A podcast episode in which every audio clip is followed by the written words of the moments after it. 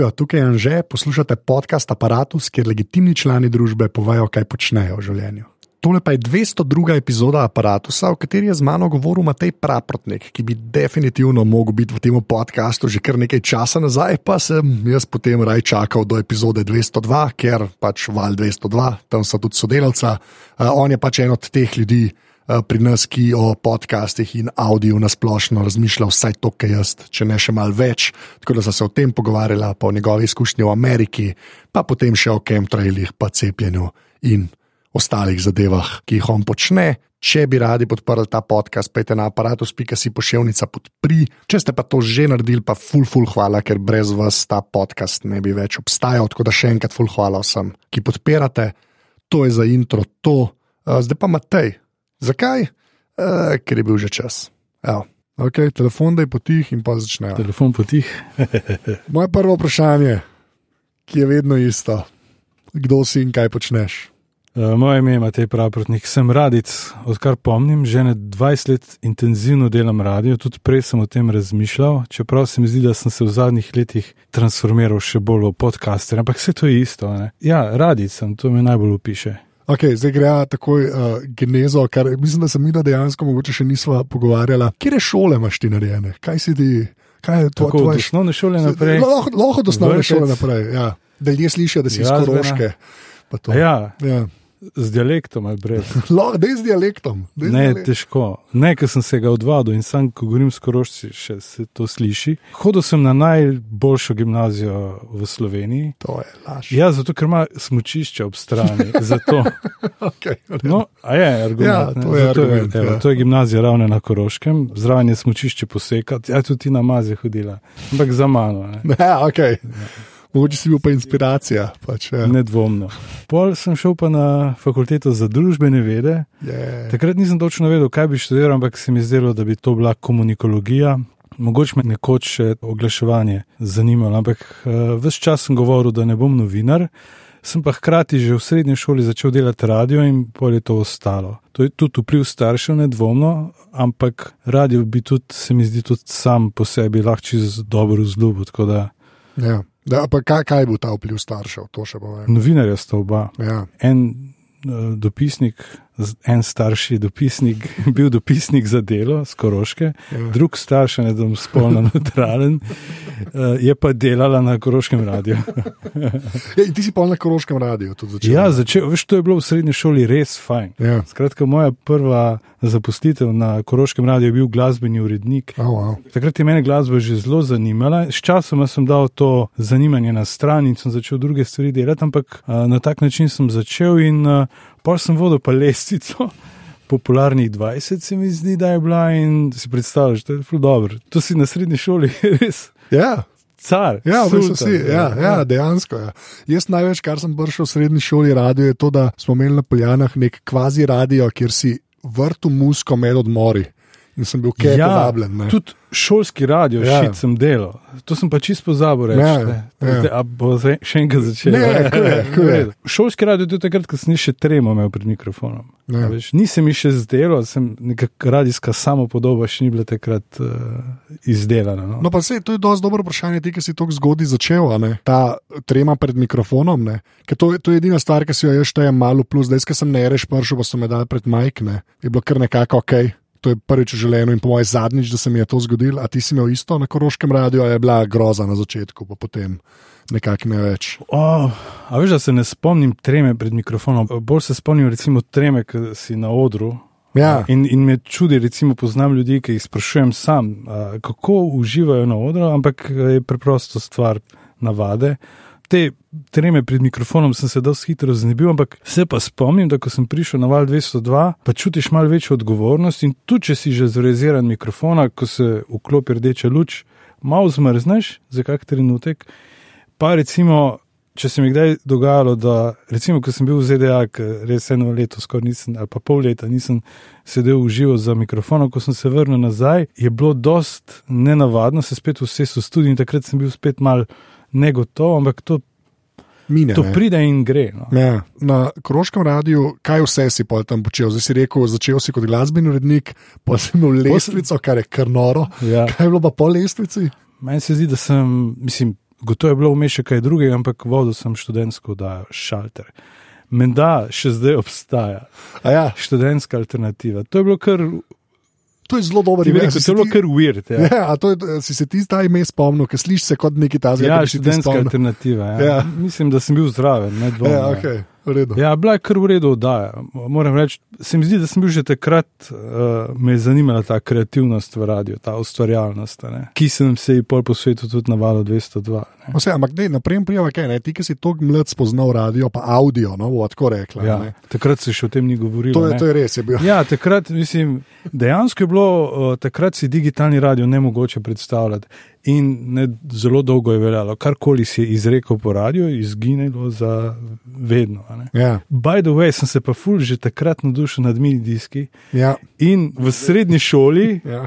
ena prvih stvari, ki sem jih jaz naredil in na katero sem bil zelo ponosen, je bila na Arnesu spletna stran v mini disku. Ljudje okrog mene so se malo norca delali z mene, on pa dela spletne strani, pa še v mini disku, ne, ampak jaz sem se na tem res navdušil. Prav. No, jaz, sem, jaz sem na Unmu Arnesu, recimo, pa postavil spletno stran o avionih.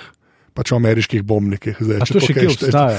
Jaz imam, jaz imam? HTML imam shranjen, ni, O. ni nikjer več na netu, HTML imam pa dejansko Jaz pa shranjen. ne, tudi recimo, jaz sem bil prvi Matej Praprotnik, Afna Gest Arnesi, pa pa, ko sem končal gimnazijo, No, nisi več podpisal unga obrazca, sklep je ne vem, poteklo. je Ne? mi je poteklo in zdaj to, meni se zdi, da je to en profesor iz Škofje Loke. A Ja, okay. z neke srednje šole, mora biti, ker drugi včasih imele take čudne. A ja, da še zmeraj na gesta. Ja, gospod profesor ali pa ja, en je, en je zobozdravnik. Aha, okay. Mogoče bi še kakšnega Mateja Praprotnika povedal. Jaz sem sploh počaščen, pa presenečen, da si v epizodo 202, ker smo se hecali, da sem bolj 404.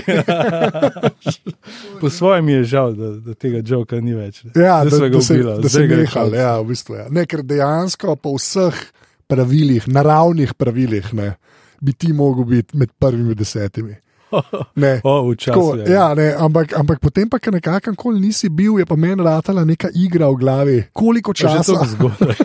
koliko časa bom zdržal, brez da praprotnika povabim v Slej, ko aparat. breme, morajo vsi intervjuvati. Ja, to je resno. To je, res. Se ti pravim, to je naravno pravilo. Razumeš, jaz sem se v bistvu še do, do, dosti dolgo sem kluboval. ne.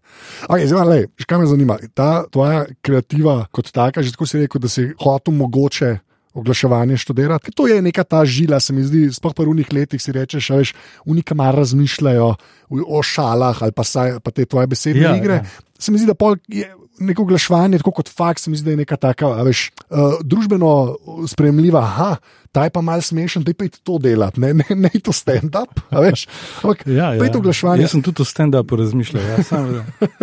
A veš, kaj me zanima? A, tako, meni je zelo všeč, kar mi je zelo, zelo, zelo všeč pri tebi. Je to, da nekako si zelo, da si ostal zvest avdio kot takemu, zato sem to prej rekel, ali pa radio, ne? da te ankoli te v bistvu ni zares zanesel, da bi hotel iti na, te, veš, na TV, ker se mi zdi, da v, v teh časih, zdaj mi dva, ki sva že malo stara, ne, je bilo zelo tako, radio je bil pa je pa vedno TV, veš, vedno je bila slika, ker je bilo tako, zmerno se je to dojemalo kot eno štengo več, to, kar je pa pri meni te všeč, je pa tako res ta avdio, pa gre slash radio, ne. To si zelo lepo povedal, ker Ja. mislim, to si postavil tako perspektivo, da sem tudi jaz navdušen zdaj nad samim sabo, ker res pa na sebe gledam, le pismo sem en fail, ni mi ratalo nič drugega, ker sem ta radio. Ampak ne, Ja. zelo veliko ljudi, s katerimi sem nekoč delal, so zdaj povsem drugih poklicih in zelo pogosto srečam koga, ki je v Bruslju, uh, glej v vladi ali pa, mislim, povsod so ljudje, ki so včasih delali radio, sam jaz sem še na radio. Ne? In pol, mislim, ni smešno, včasih slišim, a ti še pa kar na radio. radio. Ja, še pa kar na radio.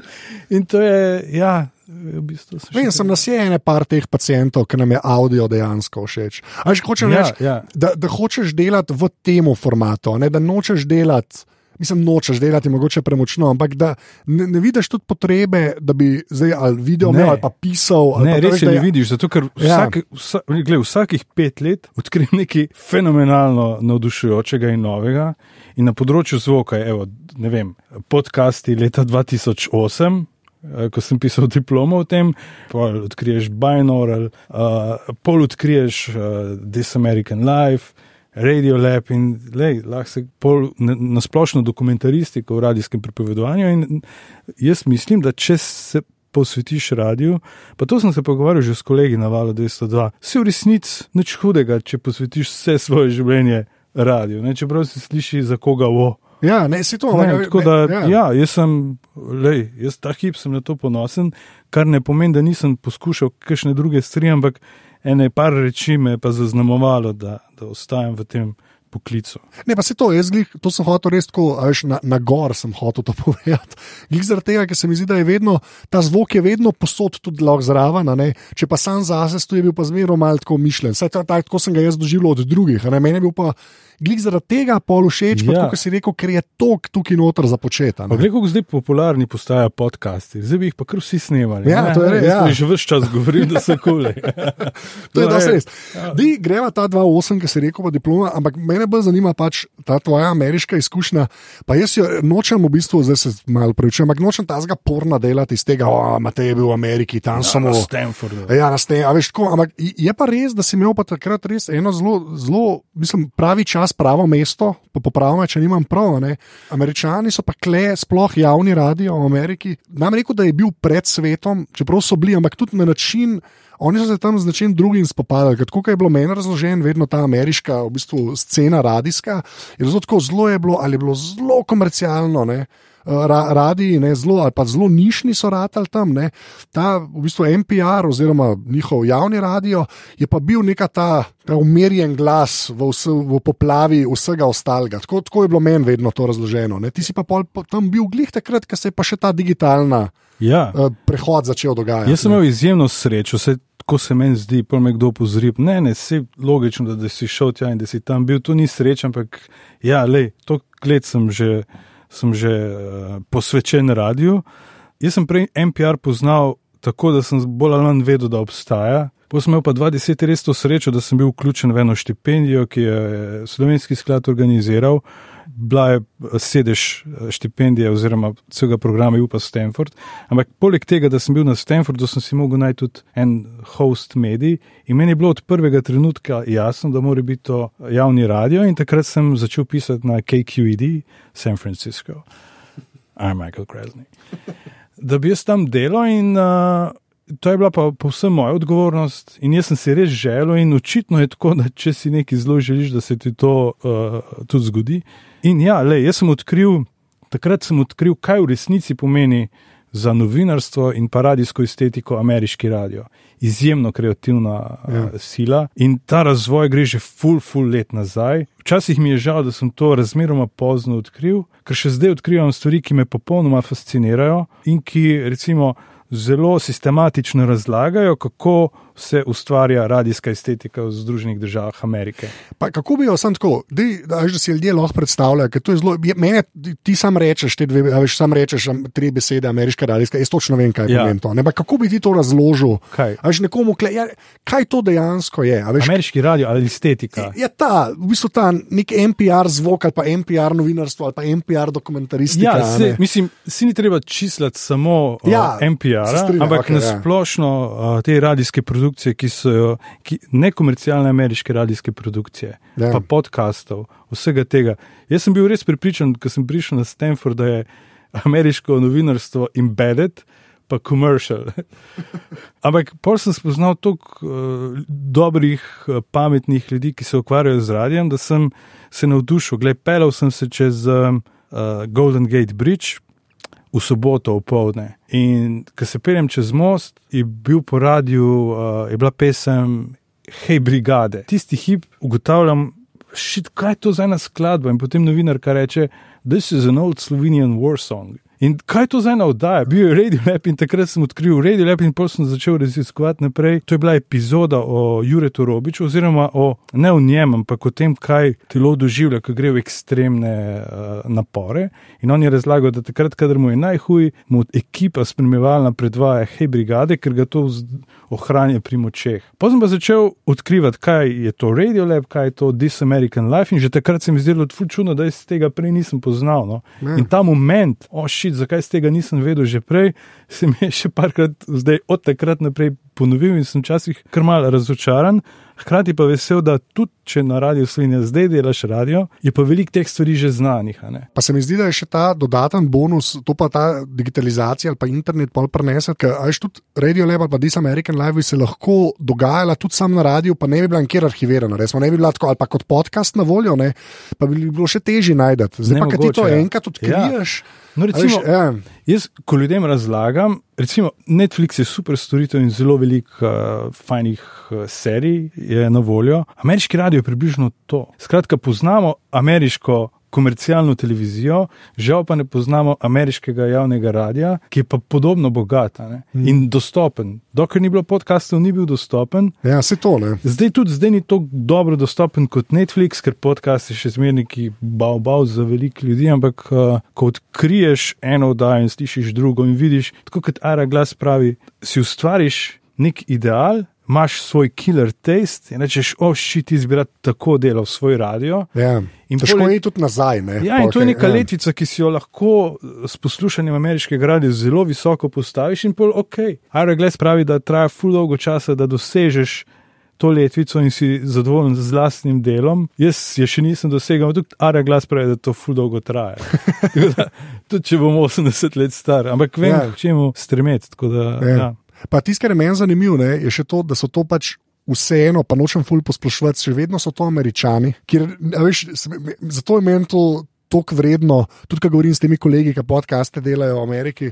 Ki pravi, ja, ne, to je pa ta normalen, mislim, ta normalen, to je že slabo. Sem tako, to smo pa tako ljudje, veš, tako, da ni samo neko kričanje, ne, oziroma res neki navid, sam na čist, ker res, se mi zdi, da dokler ti ne slišiš komercialne radijske postaje v Ameriki, si ne znaš predstavljati, kako nahajpan, pa nimam boljše besede, je lahko radio, ki meni res ni.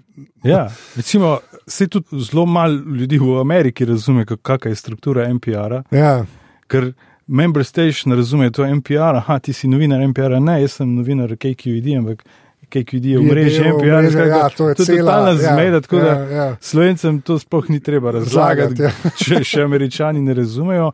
Ampak to je mreža, to je produkcijska mreža, distribucijska mreža. Za nje se je zelo veliko spremenilo, ko je prišel internet. Včasih so oni pripravljali vsebine za radije, ki so jih predvajali potem od vzhoda do zahoda. Ko je prišel pa podcast, je bila prva zadrega, čakajte, mi ne moramo mi ob šestih zjutraj objaviti podcasta, če ga bojo v San Franciscu predvajali šele čez tri ure.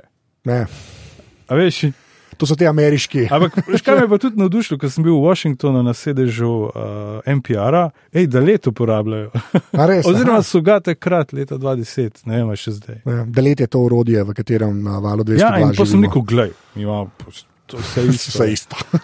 In- Povej mi še, kaj si ti pol počel na QQID-u. Pač, kaj, kaj si, so ti dali lestvico takoj, ali kako je to Jaz sem izgledalo? rekel, "O, ja, Se- to smo- smo slišali, Ja, smo imaš- imaš koroški. koroški na glas, tako da me niso spustili pred mikrofon. V resnici sem bolj opazoval. No. Ja, Dejansko si nisem predstavljal, so me poslali na teren, sem spremljal, opazil sem, da praktično nič ne poteka v živo. Ko sem vprašal, zakaj ne, so mi razložili in to je ta pristop k ameriškemu radiju. Nas toliko skrbi ta estetika radijska, da si ne moramo privoščiti, da smo kar postavili na teren in javili v živo. To mora biti zelo dobro sproducirano. Ja, ja. To je bilo, mislim, se ni res, da niso sploh nič v živo, ampak recimo, ko so bili učiteljski protesti zaradi budget cuts, uh, sem šel pomagati snemati ankete. Ampak uh, ja, vse se je produciralo kasneje. Kaj sem še delal? Veš, kaj sem, recimo, ko sem spremljal kakšne dogodke, ampak šel sem tako, moja naloga je bila to collect tape. Veš, kaj to pomeni? Ja. Spet prenes posnetek, mal. Za, tako da bomo malo uporabljali. Skratka, nisem bil reporter. Ne? In ko sem prišel, spomnim, ko sem enkrat prišel iz terena in sem razlagal, kako so protestniki šli od From Citibank to City Hall. In to je bil pač moj pan, rečem, kolega, moj pismo imate. You should be a reporter. Jaz rekel, ja, se, veš, I am. ja, Ampak tle pri vas pač Ja. sem nek slovenc, nek. Uh, ja. Ampak zanimivo je, ko sem prišel, jaz rekel, hej, pa tle pa imamo eno, ki je bila v Sloveniji, v smislu zihar je slovaška, ampak ne, je bila dejansko Mhm. uh, Prav, kolegica. vsaj eden je vedel. Ne, jih kar Ja. par ljudi je vedlo, um, tako da jaz sem se tam ful dobro počutil, predvsem, kar sem pa jaz delal, sem pa raziskoval in kar, je, kar pa meni res ne vdušilo, je pa tam so stvari, o katerih sem tako, kako bi rekel, bežno razmišljal ali pa sramežljivo razmišljal, da bi jih delal na Radio Slovenijo, so tam že vse stale. Spletna stran v WordPressu, Ne. pol posnetki online, podcasti. In se rekel, šit, Očitno že, že, se že da. pa sploh ni tako težko. Ja. In pol mi kapne, ne, pol, ko sem prišel nazaj, sem, sem dejansko izrazil to željo. Hej, poglejmo naše spletne strani, poglejmo naše podcaste, ki so bili leta 2010 praktično ponudba MMC-ja, ne radija. Ne? In takrat sem rekel, ne, ne, takrat je bila moja ideja, ne, vse radio mora imeti lastništvo nad, nad spletno stranjo. Nad podcasti in le z 2020 je tako. Ne? Ne. Evo, moje delo. Takole, končalo, takole je ja. šlo Evo, ven, takole. des- Deset let, to ni nič. Ja. ja, ker ko sem se vrnil nazaj, sem začel iskati uh, ljudi, ki bi mi pomagali. No. Zdaj pa, če si omenil spletno stran, to vedno pol vprašam te ljudi, ki delamo v medijih. Ne? In gremo reči, v narekovajih znamo uporabljati računalnike. Odkje pa to, da nimaš s tem a veš, težav? Da nisi ta človek, ki je pač, a veš, sklepam na koroškem radiju, ni bilo šest programerjev zraven, ki bi jih, s, katerimi bi ti sodeloval. Ne? Ampak si tako, ko si bil mulj doma, si računalničke, kaj si rekel, ne. moja prva spletna stran je bila To razumem. O mini disku. Ja. Ampak Torej, sem, ja. nekako sem, veš, nekako sem pozabil na to strast. In jaz mislim, da šele po KQD sem spet bil navdušen nad, nad tem. Prej sem dejansko, do, do takrat sem, jaz sem bil zelo ponosen, da je moj fokus samo radio. Ne, razumem. Ja. In, in nekaj časa sem se tudi tako vedel. Potem pa radio Jaz, jaz, prisilil. jaz ne rabim, da je Ja. moj posnetek na internetu, kjer folk celo komentira in, in se ono, a veš, Ja, ja. trola. To jaz, jaz tega ne rabim.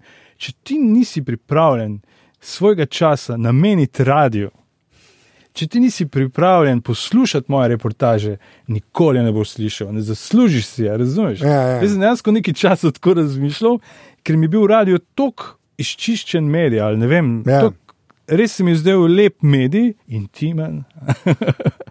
Ampak na KQD, pa jaz sem bil tam ravno takrat, ko so oni konsolidirali svojo znamko, ker KQD, za razliko od večine teh NPR postaj, so tudi televizija, so tudi člani PBS-a. Mhm, je dobro Zdaj, da so radio televizija, ki zaposluje 200 ljudi, to je desetkrat manj kot RTV Slovenija. Zato so pač nekatere rešitve realizirane des- desetkrat prej. Takrat so oni konsolidirali in takrat sem tudi, eh, jaz sem že prej razmišljal malo o znamčenju, brandingu tega. In tak, oni so pa ravno takrat, ko sem bil tam, je prišel befel, odločitev z vrha, da ne bomo več KQD radio, pa KQD TV, ampak KQD news. Mhm.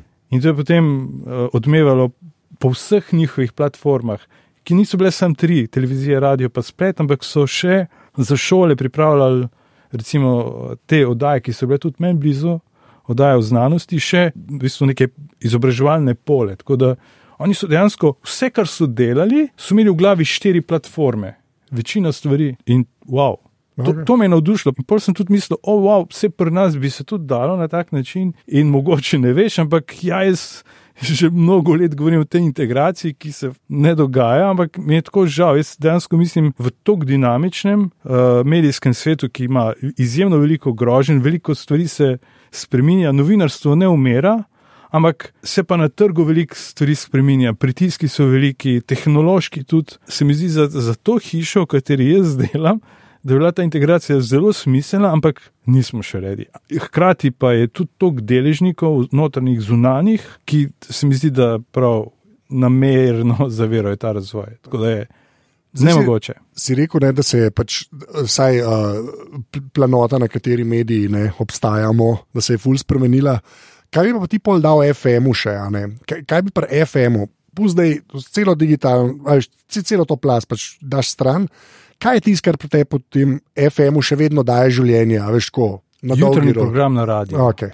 To, tle recimo, sem jaz zjutraj, ja. A veš, vedno povem, če me kdo vpraša, kakšne so moje poslušalske navade, ker imam res razvite poslušalske navade. Skratka, zjutraj, ko se usedem na kolo in dam eno slušalko v uho, je vedno ta dilema, kaj bom poslušal. In jaz sem resen poslušalec, lahko se odločim za zvočno knjigo. Lahko se odločim za podcast ali pa za živ radio. In teh odločitev je kar veliko, in če se odločim za živ radio, je to zaradi recimo jutranjega programa, voditla pa muske. Ampak pri muski sem pol, zdaj tudi pač eh, te pretočne musko tudi poslušam, ne? skratka si prilagajam eh, glasbo po lastni potrebi in moč radia, pa javnega radia, pa radia na splošno se mi zdi, ja, jutranji program, to mora biti pa. Ja. To je, to je Če je tisto- kaj prime time, je to Zato, prime time. ka- pač, kaj ja. meni zelo všeč pri živem radiju, je, da imam občutek, da me voditelj tisti hip nagovarja. Pol pa pričakujem tudi nek element presenečenja in to jutranji živ program ponuja. Ja. To je ta moment, ki ga ima šport uh, na, na televiziji še vedno. Me, tako, Ja. S tem jaz primer. A Veš, da je, to je drugače. Vse ostalo se mi zdi, da je. Mogoče, svo, tako, sploh kar se avdija tiče, se mi zdi, da je svoje mesto bolj najdlo na internetu, kot zdaj, če govorijo podcast, a veš kot taka. Ne? Pa prej si rekel, ki si Radio Lab. pa to veš, Radio Lab na radiju je čisto ok, ampak na netu Radio je Ja, pa ja. to, kar hočeš da je. Se mi zdi, da točno to jutranji program je pa res ta stvar, ki se mi zdi, veš, to je tako, kot ne vem, pri časopisih. a Veš, včasih so, je bilo v časopisih tudi vreme, pa usmrtence, pa mali oglasi, pa vse. resnici- pa, ja, so še. Ne? Ne, so vse, ne, pa hoče neš tisto, kar je pa pol vidiš, ne, kar pa mogoče, a veš, časopisu ali pa potem, če se to pretopi na spletno stran, kot tekstu ostane, ne, so pa daljše reportaže, recimo, ne. Ja, Ja, veš, to je ja, ja. inherentno temu. Se mi zdi, da včasih, ne, ko pa še ni bilo interneta, je pa vsak medij še vse zraven početi, ker Ja. pač je bilo treba. ne. No, ampak zdaj vidiš, živ radio, Ja. jutranji ima veliko konkurence. ne. Že jaz se odločam, kaj bom poslušal. Ja. In že jaz se včasih zjutraj odločim, ne tokrat bom poslušal pa podcast. Ja. Ampak to je stvar izbire.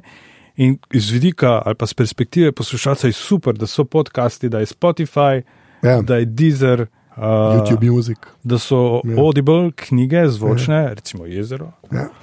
A, To sem poslušal, ja, Ja. po službeni dožnosti. Oziroma, ne, me je navdušilo, navdušilo me, ker pol sem, ker sem poslušal še režiserja, pa Sebastiana sta takrat govorila, ja, a veš, recimo, nikoli nisem pomislil na to, da mora interpret zvočne knjige biti zelo neutralen, da ne interpretira liko, ker če ne, a veš, ubiješ uh, lastno interpretacijo.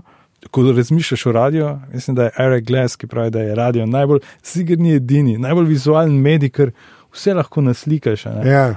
Karkoli lahko naslikaš. Recimo, najo, kako zdaj sediva v banji, Točno pa, to. pa piva koktejl. Jaz reči, da pač budžet za uh, posebne učinke je pri radiju največji, ne? ker pač samo rečeš in imaš Ja. ja. solca. Ne? Ni treba, Ja, ni, Ja. ampak mislim, imaš lud, ni čisto res, ne se veš, lahko se pa ful potrudiš, pa dodaš zvočne efekte. To je res. Pa, To je res, to je res. lahko pa rečeš, bila je noč, pihal je veter. In je to že dovolj. to dovolj, ja, Ja. manj. Ja. Okay, zdaj pa greva še na eno, en, en tvoj. Se mi zdi, da če bi Mateja Pravrtnika, jaz te, pač, te bolj poznam, da se vsak dan praktično vidim, ampak se mi zdi, da na vzven, a ne. ima pa Matej Pravrtnik še eno persono, še, še en. En zobozdravnik. ne. A veš, Še, le, sam, še en zornik kot obstaja, v katerem se moramo pogovarjati, ker mislim, da bi ne bi usluge naredil, če se ne bi. To je pa ta tvoja, pa nočem te besede uporabljati, ta skeptika, veš. To, to meni ne, ne paše, ne paše mi tebi, ampak ta tvoj res iskren, bom rekel, to sem prav razmišljal, kako bom to povedal. Ta iskren, bom rekel, boj proti neumnostim na netu, predvsem pa tistim, ki potem ki škodijo. Recimo, ne. Se mi zdi, da ti imaš res to, to če ima pa eden to zapečen, a veš, ka ima, veš, ka imamo, ma, imaš, imaš uh, procesor, pa rama, ne, to, je pri tebi v procesorju. Veš, ram se še malo ja. ja. menja, ti se pač to, kar si se ti boril proti antivakserjem in njihovimi. Pač Ne. stvar- Pa ne, pa ne pa hočem reči, borba na ta način, razumeš, da, pač, da sam poveš tam takrat, ko je boljše. Pač dejansko neki energijo v to vlagaš. a Ne? A kako bi ti Pa to ne vem, ker- jaz sem to kot novinarja to. No, sej, sej. Ja, le recimo, ampak včasih to tudi kako na ključe. Recimo, jaz, jaz, jaz uh, anti, uh, oziroma kako rekel. Proti- Bom rekel nasprotnike cepljenja, a ne, No, povej. nasprotnike obveznega cepljenja, okay. da obstaja v Sloveniji izvedel šele, ker sem se pogovarjal z eh, Benom Goldakerom za oddajo Frekvenca X, ker je rekel, da dejansko je dal eno zelo zanimivo tezo, da on se zauzema za družbo, v kateri lahko starši sami odločajo o cepljenju, hkrati pa največji razlog, da pa ni tako, so pa nasprotniki cepljenja, ki strašijo svojo propagando. Ja. Takrat sem spoznal te ljudi, ko so me ne tužili, ampak grozili, pa, a, pa poslali na novinarsko časno razsodišče, kjer so seveda zgubili, ker hvala Bogu znano zmaga. So mi tudi grozili po telefonu, skratka, zanimivo se ti spremeni življenje, ko se dotakneš te teme. Ja. Z Andrejem Bauerjem sem se o tem pogovarjal, ko so se pripravljali na nedeljskega gosta, ker sem jaz bil spraševalec. In med drugim je postavljeno zelo dobro vprašanje, ampak a, a, a znanstveniki vam pa niso nič grozili. rekel, zanimivo vprašanje. Ne, v resnici ne, ne. se pravi, ja. znanost ti ne grozi, ne grozijo ti sam, ja. uh, bom rekel, ne vem, uh, nevedni ljudje, ampak sploh. Ampak, veš, ko, ko si začel to temo, smislo, aha, najbrž bo smislo Facebook, pa prodajo Facebook skupin, ki take stvari me pa res zmotijo in no. si vzamem čas in ja. rečem, hej, ljudje, fakt to ni v redu. Ja. In kakšna stvar me res, se mi zdi, hej, ne mi uničevati interneta. Ali pa slađa na veliko. Ja. Ta je bil tak primer, ki se. No, to, no pa, pa povej, kdo je ona. Kaj, mislim, zakaj tebe? Ne, ker se mi zdi, meni je kul, cool, da imaš ta instinkt. Zelo dobro si to rekel, da pač ti to iz novinarskega, a ne, až, da je to vzvod, v resnici, da ni zdaj sam ja. bente. Ni tako, da ima te in naredi svojo Facebook skupino. Ja, ja. Ampak ja, da, da je tako. Uh, no, sorry, povej za slađano. Pač, kdo je bila sama ja, to? Ne, ne, ja. Ampak glej mene je spet zmotilo, jaz, jaz ne bi vedel, kdo je slađena veliko, če ne bi uh, o njej pisala priloga ona. Ne. In intervju z njo naredila, beden članek, mislim, ne zasluži si papirja. In tam je pisalo, koliko ljudi je bilo pohabljenih zaradi cepljenja, ampak eh, ni bilo pa, ni, ta članek ni, midlo rečeno, ni temeljil na nekih znanstvenih raziskavah. Eh, pol pa hkrati godim, o, le ta slađena veliko pa prihaja v Slovenijo in pol so jo povabili na na javno razpravo o avtizmu. In ker smo mi takrat začeli, ker sem začel raziskovati in kontaktiral organizatorje, gledaj, so skenslali predavanje. Ja. In eh, pol smo dobili posnetke tega predavanja, in sem naredil kar temeljito analizo tega, kaj ona predava, jo soočil z znanostjo, zdravniki. In no, le pol so mi eh, zanimivo, ne? tik pred oddajo. Mislim, da je bil to vroči mikrofon v torek na valu 202, pride grožnja s tožbo, ki je bila poslana generalnemu direktorju, direktorju radia, uredniku Vala 202. Urednik Vala 202, takrat je bil tu Mirko Štulem, sem vprašal, a so vse trditve, ki so noter resnične. En popravek smo naredili še v vodo, ampak ja, to je tisto novinarstvo, ki si res ponosen na lej, za vsem stojim. Ja. Če sem se pa zmotil, mi boste pa kasneje, uh, mislim, ne bi šlo to v veter, če ne bi stal za tem, ampak gled, če bi priznal možnost, da sem se zmotil, ampak ni bilo potrebe, čeprav so mi grozili in evo, pol se začnejo osebni napadi, ampak to spet je. Ni, mislim, samo pač fake znanstveniki te lahko napadajo. Tam je zelo všeč, da pravi znanstveniki, znanstveniki ne grozijo. Ja, pravi znanstveniki ne grozijo pisma. Ja, žalosten, da moramo to na glas reči. Ja, lahko, lahko rečejo, pogledajte, kar je naredil Matej Pravprotnik, tem ja. prispevku ni res in bi rekel, le, pismo, žal mi je, ker imam. Ma, čutim odgovornost, no, čutim odgovornost, da kadar kot novinar nastopam, da ne govorim neumnosti. In zelo težko bi, recimo, jaz moderiral, počasi, zelo rad sem strokovni moderator, kakih uh, strokovnih posvetov, ampak ker sem zadnjič gledal posvet o 5G, sem mislil: Ja, dobro, ti si oh, wow. pa, ja. Ja. Oh, wow. Mislim, tisto tist svet je predvsem rabo moderatorja. Moderator, ja, to je res. Tudi, ja. če ga ne bi bilo, v resnici se ga niti ne ja, bi smel. To je enih. Ja. Tisti posvet, ne samo bi rabo moderatorja, tudi ne vem, gre pa glavo. Ja, ja, ja. Posvet je močna beseda, zato ker se je pol res zgodilo. Ker tok, ja, tok no. neumnosti okoli 5G, pa težko najdeš ja. na kupu, v resnici. Ja. Še eno anegdoto bi te prosil, ker pa sam hočem, da je enkrat posneta. Uh, zdaj greva pač bova ostala na isti, na isti poti. Uh, to so pa chemtraili, kjer si pa ti enkrat objavil eno sliko, v bistvu šalo. Ja. Kako je bilo, sedel si na avionu. Ne? Iz, ja, eh, točno, ja, ja. Iz, to res, to ne povej. Ker, ja. kako, kaj, kako je potem ta Facebook armija to zlorabila? Ker tisti je pa. Jaz sem bil takrat res uh, to, vesel, sem bil, da te osebno poznam, ker si mi lahko to pokazal. Ne? Ne, bom, ja, lahko jaz sam začnem pa ti povedati, ja, kaj se je zgodilo. Še malo pozabil. Ja. Ja, Matej, je, Matej je v bistvu bil na avionu in je sedel si v bistvu nad uh, krilom. Ne? Tako da se je dejansko videla tista črta, ki jo avion uh, riše, mislim, da je bilo nekaj tasga in si slikal to, ne? in potem si napisal, tako, o, poglejte, res je. Ne, ne jaz sem še na pletu. Ja, ja. Ja, jaz sem na letu, kjer škropijo, karkoli že škropijo. Ja, ja, ja. In to, in si se podpisal, kar je bil pa jok, res super jok. Matej pa ima kako vejca tri leta, ali kako je že bilo, štiri leta. Nekaj ali takega, Neka, ja. nek res, Ja, ja. mislim, neka absurdna starost, da se je videl, da ne bi znal tako majhen otrok tega napisati. Ne? Na kar koliko časa je trajal? Dva dni? Wow, to je modro nebo, je objavilo mojo, je delilo mojo objavo. Če šlo pogledajte, novinar je končno priznal. ne. Ja. Jaz se spomnim, ja, s Petrom so letelo v Stokholm jaz sem slikal. Uh, Ja. In pol sem na pletu, da je bilo ful čudno na tem letu, vse je bilo čudno, da so nas posedli sam do, do sredine, da, na, da, ja. da nazaj nismo smeli. A ne. Pol sem pa jaz, ker sem videl, da, da tako malo čudno letimo nizko in nad Slovenijo, menda, ampak mi smo leteli proti Stokholmu, tako da je bilo čudno.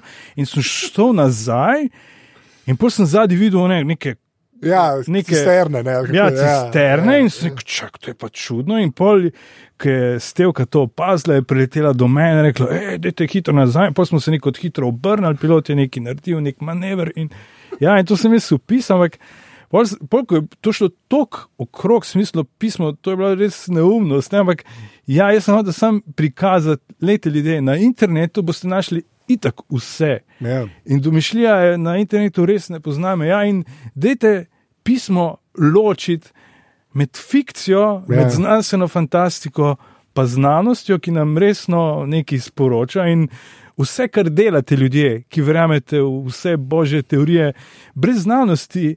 Mislim, Ja. ja. ne bi imeli niti slike zemlje iz vesolja, ki menite, da je ravna, če, če karikiramo. ne. Se to, ampak kar je bilo meni super pri tem, ti, ki si ti napisal, kot sem rekel, si se podpisal. To je moj Matej- najbolj, obja- najbolj deljen, najbolj všečkan post na internetu, ever, kar veliko pove o internetu. Ja, ve, ja veli, več, ja, to, Ja, ja, pismo. no, ampak to, ko se je pa ta stvar poobjavljala na vseh teh Facebook grupah in pageh, je bilo pa pobrisan stran Matej Vejca šest let ali karkoli si A je napisal. to, a je to A ve, ja, je pa sam Matej bil podpisan, ne, tako da je izgledal.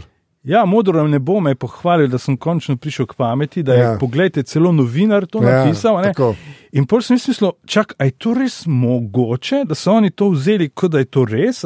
Ja. Ampak vse se jim je usulo po njihovem Facebooku, češ, a ste vi res toki idioti. In pol čez ena, mislim, da so se pol zvali, ne, sej mi, by the way, že zihar bomo kakšen mail dobil.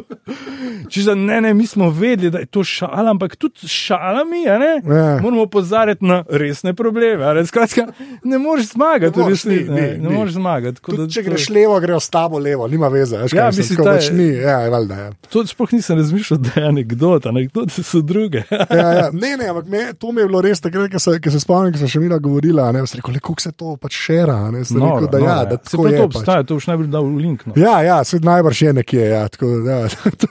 Ampak sam hotel sem je to nekje, tako, da, da še kdo sliši, zato ker meni se je takrat zdelo tisto pa res tako. Pa še kaj mi je všeč, ker redko vidiš obe strani, redko vidiš izvor te šale. Pa kaj pol to rata na internetu, ja. ko dobi svoje življenje? Veš, ti ponavadi vidiš samo ta, un, ta izrojen del, vidiš, a ne ali kako Ja, te ja, ja. šerajo. ne. Veš, kje je ta fotka nastala, kdo je Ja, to ja, ja. napisal. Ne, meni je pa kle ful dobro, ker sem tebe poznal, veš, da sem, da sem Ampak- celo verigo videl. Ampak ne. še nekaj, ne? jaz sem to svojim prijateljem napisal, ki me poznajo in vejo, kaj si jaz mislim. Tako, o, ja. o- Ampak o sam teh en, ljudeh. en je dost, Matej. Je pa res, veš, recimo, ko se pogovarjaš, uh, malo je nenavadno, da rej, že v srednjem veku, vse v srednjem veku nihče ni trdil, da je zemlja ravna, to je kasnejše, ne, ampak da, da se zdaj spet pogovarjamo o nekaterih stvareh, ki jih je znanost že obdelala. Ja. Si mislim tako, kot ko sem se z Bavarjem pogovarjal, sem rekel, vse pač, plej, ljudje so nevedni, neumni, pač so vata. Ne? Ja. Ampak me je hitro rekel, ne, to ni čisto tako, ne, to so ljudje z, z volilno pravico in uh, ni tako čisto vseeno. A, a imaš ti ljudi, ki volijo vlado, ki verjamejo v te stvari, ker kar vse še pol to za Ja, sabo kje, ja, prenese. vse ne. to, kje se pol konča ta misel, ne toliko resnicne. Uh, zdaj pa naprej gremo na zadnja vprašanja. Uh, bom tebe vprašal, samo zato, ker, kot si rekel, ameriška estetika, podcasti pa to. Pa prosim, en, en, imel sem namen celo mogoče kaj vprašati o Braziliji in Lizboni, pa ne bom, mogoče bo to enkrat oh, drugič wow. pogovarjala. O 404. ja, o 404, veste, koliko ima Matej dejansko. Sploh še rad? nisem uporabil besede Portugalščina. Portugalska, Lizbona, Brazilija. Ja, to se to to- sploh se dotakne, da ti nisem zelo slab intervju. Ampak, tisto, kar me zanima, da mi tri tvoje top top. Pa v nekih poslušaš, ni treba zdaj This American Life reči, pa radio lep. A Razumeš, ker to, to mislim, da se ve. Deva te dva stran vzeti, Kaj tri to te podcaste? podcaste, ne. Ampak eni, ki so tebi neki pomenili, razumeš, ni treba zdaj, a veš, ni treba zdaj neko klasiko, ampak nekaj, kar ti slišiš tako, da bi rekel za cel šov, da bi eno rekel, le če pa hočeš nekaj poslušati, da je tole poslušaj. Kje tri bi ti rekel? Ajde. Ok, zdaj bom ta izziv sprejel tako, da bom rekel tri, ki jih še niso sploh omenjala. No. Super. Ja. Res, res navdušen sem bil, ko sem bil v Chicagu in sem uživo gledal uh, Wait, Wait, Don't Tell Me. To je News Quiz. To je format, ki mi je zelo blizu, tudi zaradi tega panelnega formata, stand-up elementov. In je to tako, kot The News Quiz od BBC-ja, uh, ki je tako kolobaril vsake štiri mesece, je tudi Wait, Wait, Don't Tell Me totalno odličen kviz, tudi ker se dogaja pred uh, Živo živo publiko. in svež. Ja. To je dober Drug- podcast. Ja, to, je, to je res. Se Prav, a veš, zakaj recimo. Ful je trend v svetu, da ljudje zaradi vsega sranja, ki se dogaja, bežijo od novic. Ta pa mislim, da je to, mogoče je to odgovor na to. Se pravi, si predstavljaš, to bi bilo meni ful zanimivo, en dan narediti tak radijski program, da bo, a si predstavljaš, da bi bile novice v obliki, a ja, vprašanj, se to že imamo, ne, ali bo vladal. ne, ampak da bi bile novice v obliki kviza, recimo. Nik škrlec bi lahko vodil. to. Kar jaz bi itak vse lahko, to je Ja, dejstvo. okej. No, daj, še dva. ajde. Z dober primer. ok, wait, wait, don't tell me, tam je res v redu. Pol, a veš, kaj imam zdaj, imam v glavi tako pismo, pa bom šel pa domov, rekel, mater, to bi Ja, lahko se to, to je vedno tako, ampak lej, zdaj za dva se moraš odločiti. lahko pogledam na Lahko, seveda, Bom pogledal, telefon. čak, bom pogledal na telefon. Kaj sem zadnje čase poslušal? Aha, ta The Missing Crypto Queen mi je bil kar dober podcast To je od o? BBC-ja Ja. o tej. Uh, Eni, ki je en coin vodila. ja, to, je, Ja, že spet na to sem poslušal zelo z zanimanjem, ker me je pritegnil me je zato, ker me zanima, zanimajo me, se veš, radi bi delali serial. Ja, ja, ja. In pol iščem take primere in iščem ideje in se slabo Tukaj, to ti že rekel, to bom še enkrat na glas Vem, rekel. bom, The bom. Dream, the Ja, dream. Okay, ja. Sam povem. Še Se, se vsem, imam ki to ideje, poslušajo. ki jih moram realizirati v obliki ajde, podcasta. Še enega. Pa pa veš, ha, mislim, veš, ne bom ti dal imena podcasta, ampak kar meni zelo ostane v spominu, ko grem s kolesom v enem ušesu. A to sem rekel prej. Ja, nisi bolj, da zdaj rečeš. Ja. Uh, ja, spomnim se, kjer poslušam najbolj pretresljive zgodbe. Ja. In Ustavim se ne, in se prav spomnim kakšnih epizod, ki so naredile res, res vtis na me. No. Zadnja vprašanja. Najprej mi poveš, uh, kjer telefon in računalnik in tablico imaš. V Apple vse. Vse. Ti imaš, uh, deset, deset, kaj imaš desetko, ne? Uh, iPhone, ga imaš? Desetko imam, ja. Ja, desetko. bo že dve leti stara. Ja, pa MacBooka, MacBook, kjer ja. tipkovnica dela. Ja, čeprav sem jo že zamenjal. To sem čakal, da rečeš. Ja, ampak Ja. ja. Ni, ni bil problem tipkovnica, problem je, bil, da sem imel včasih stroboskop. Veš, Ja, se... Touch bar temni del. Touch bar, mislim, Ja. ja. je delal, ampak ko se je izklopil po minuti, ki pač se izklopi, da te Ja. ja. ne sveti. To sem opazil, ker sem Netflix gledal, ker sem gledal Stranger Things. In, za, in je Je tam en. Stranger Thing tam začel utripati, rekel, "F- a je to povezano, a veš, na ključi ni. In sem rekel, šit, je to, to pa ful zanimivo, tako da gledaš Stranger Things in se ti začnejo Ja. yeah. Stranger Things dogajati na tipkovnici, ampak, ampak bizarno, pol sem izrad. Uh, Tega ja. malega kvadratka, Vse en zamenjal. centimeter krat 40 mm, zamenjali celo tipkovnico, Ja. ja. mogoče tudi baterijo, ja. pa vemo. Ko bi ti le kdo, ko si kupoval laptop, če bi poznal koga, ki ti je Ki bi rekel, rekel, da so slabe tipkovnice. Tipkovnice, ja, ja. Vsi so rekli, ampak sem rekel, zihar z mano, nam nič. ja, narobe. valjda, se to, lej. Pa tudi podpore, kar v redu. No. Ja, je, se so ker vejo, koliko so za noč. Ne, mislim, veš, da si navdušen, ko prineseš računalnik, ne vprašajo te po računu, samo zamejo, ja, pridite jutri. Ja, ja, to ima Apple res pošlih, tam to se Ja. strinjam.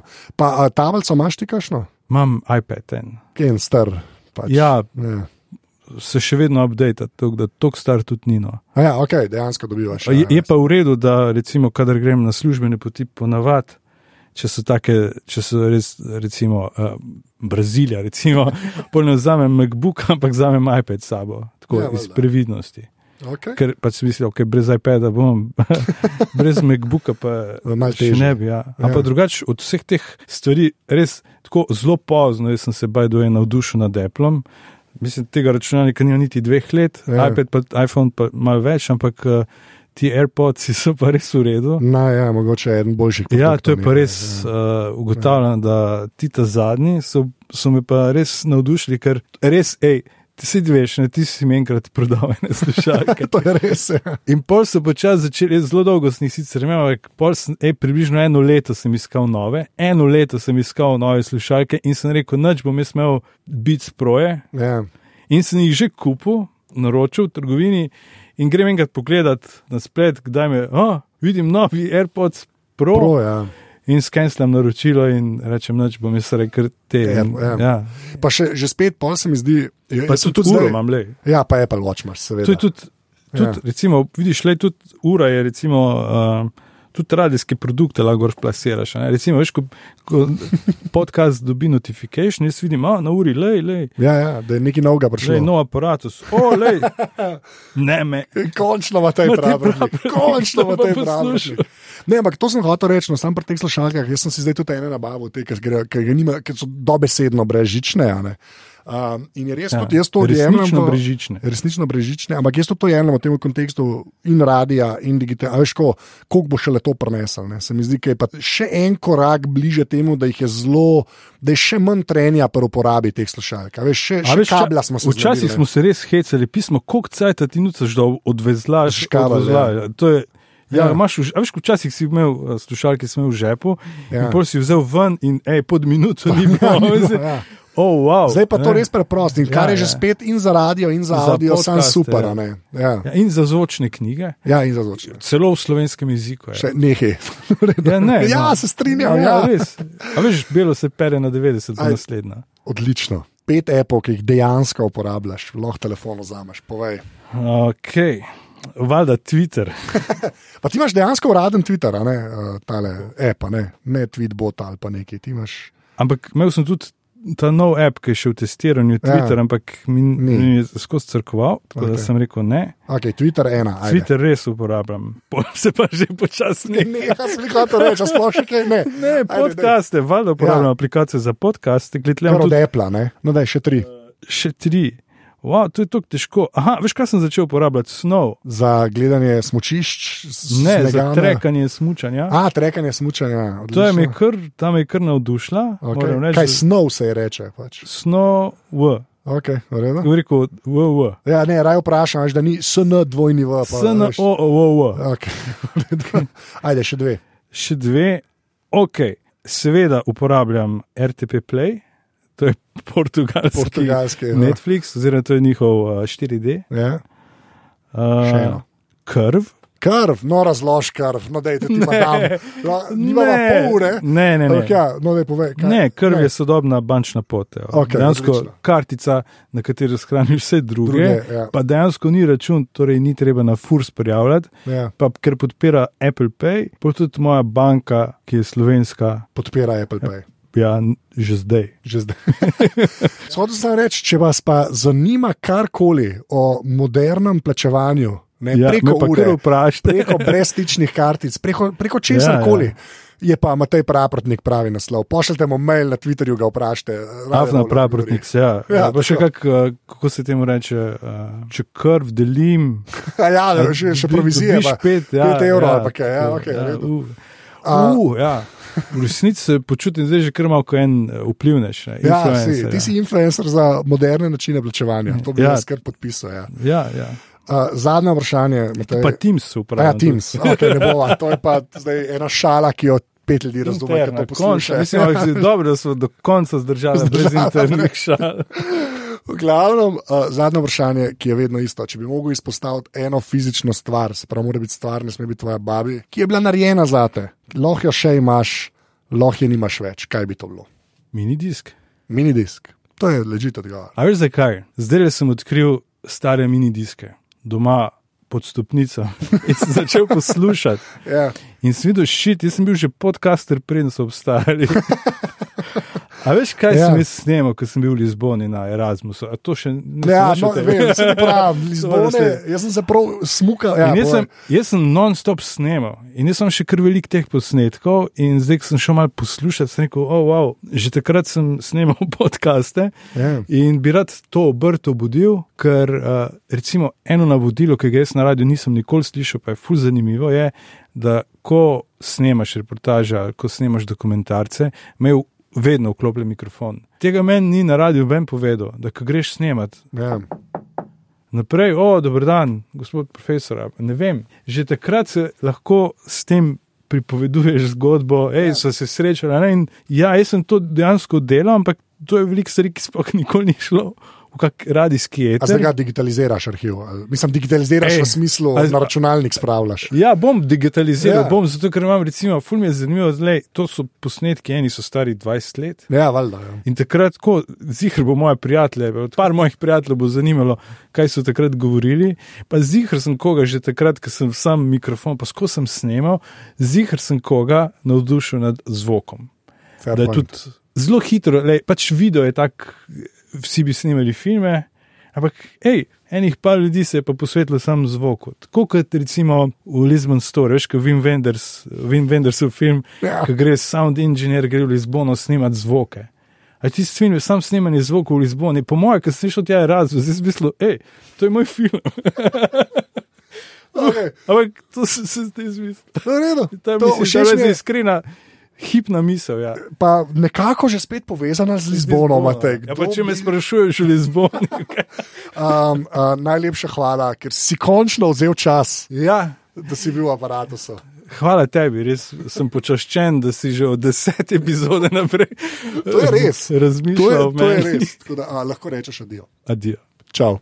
Tole je bila 202. epizoda aparata. Mateja najdete seveda na Twitterju pod Afna Praprotniks. Eh, Res vprašajte ga karkoli, če hočete s katero koli kartico in novodobno banko plačevati, on testira za vas, se temu reče.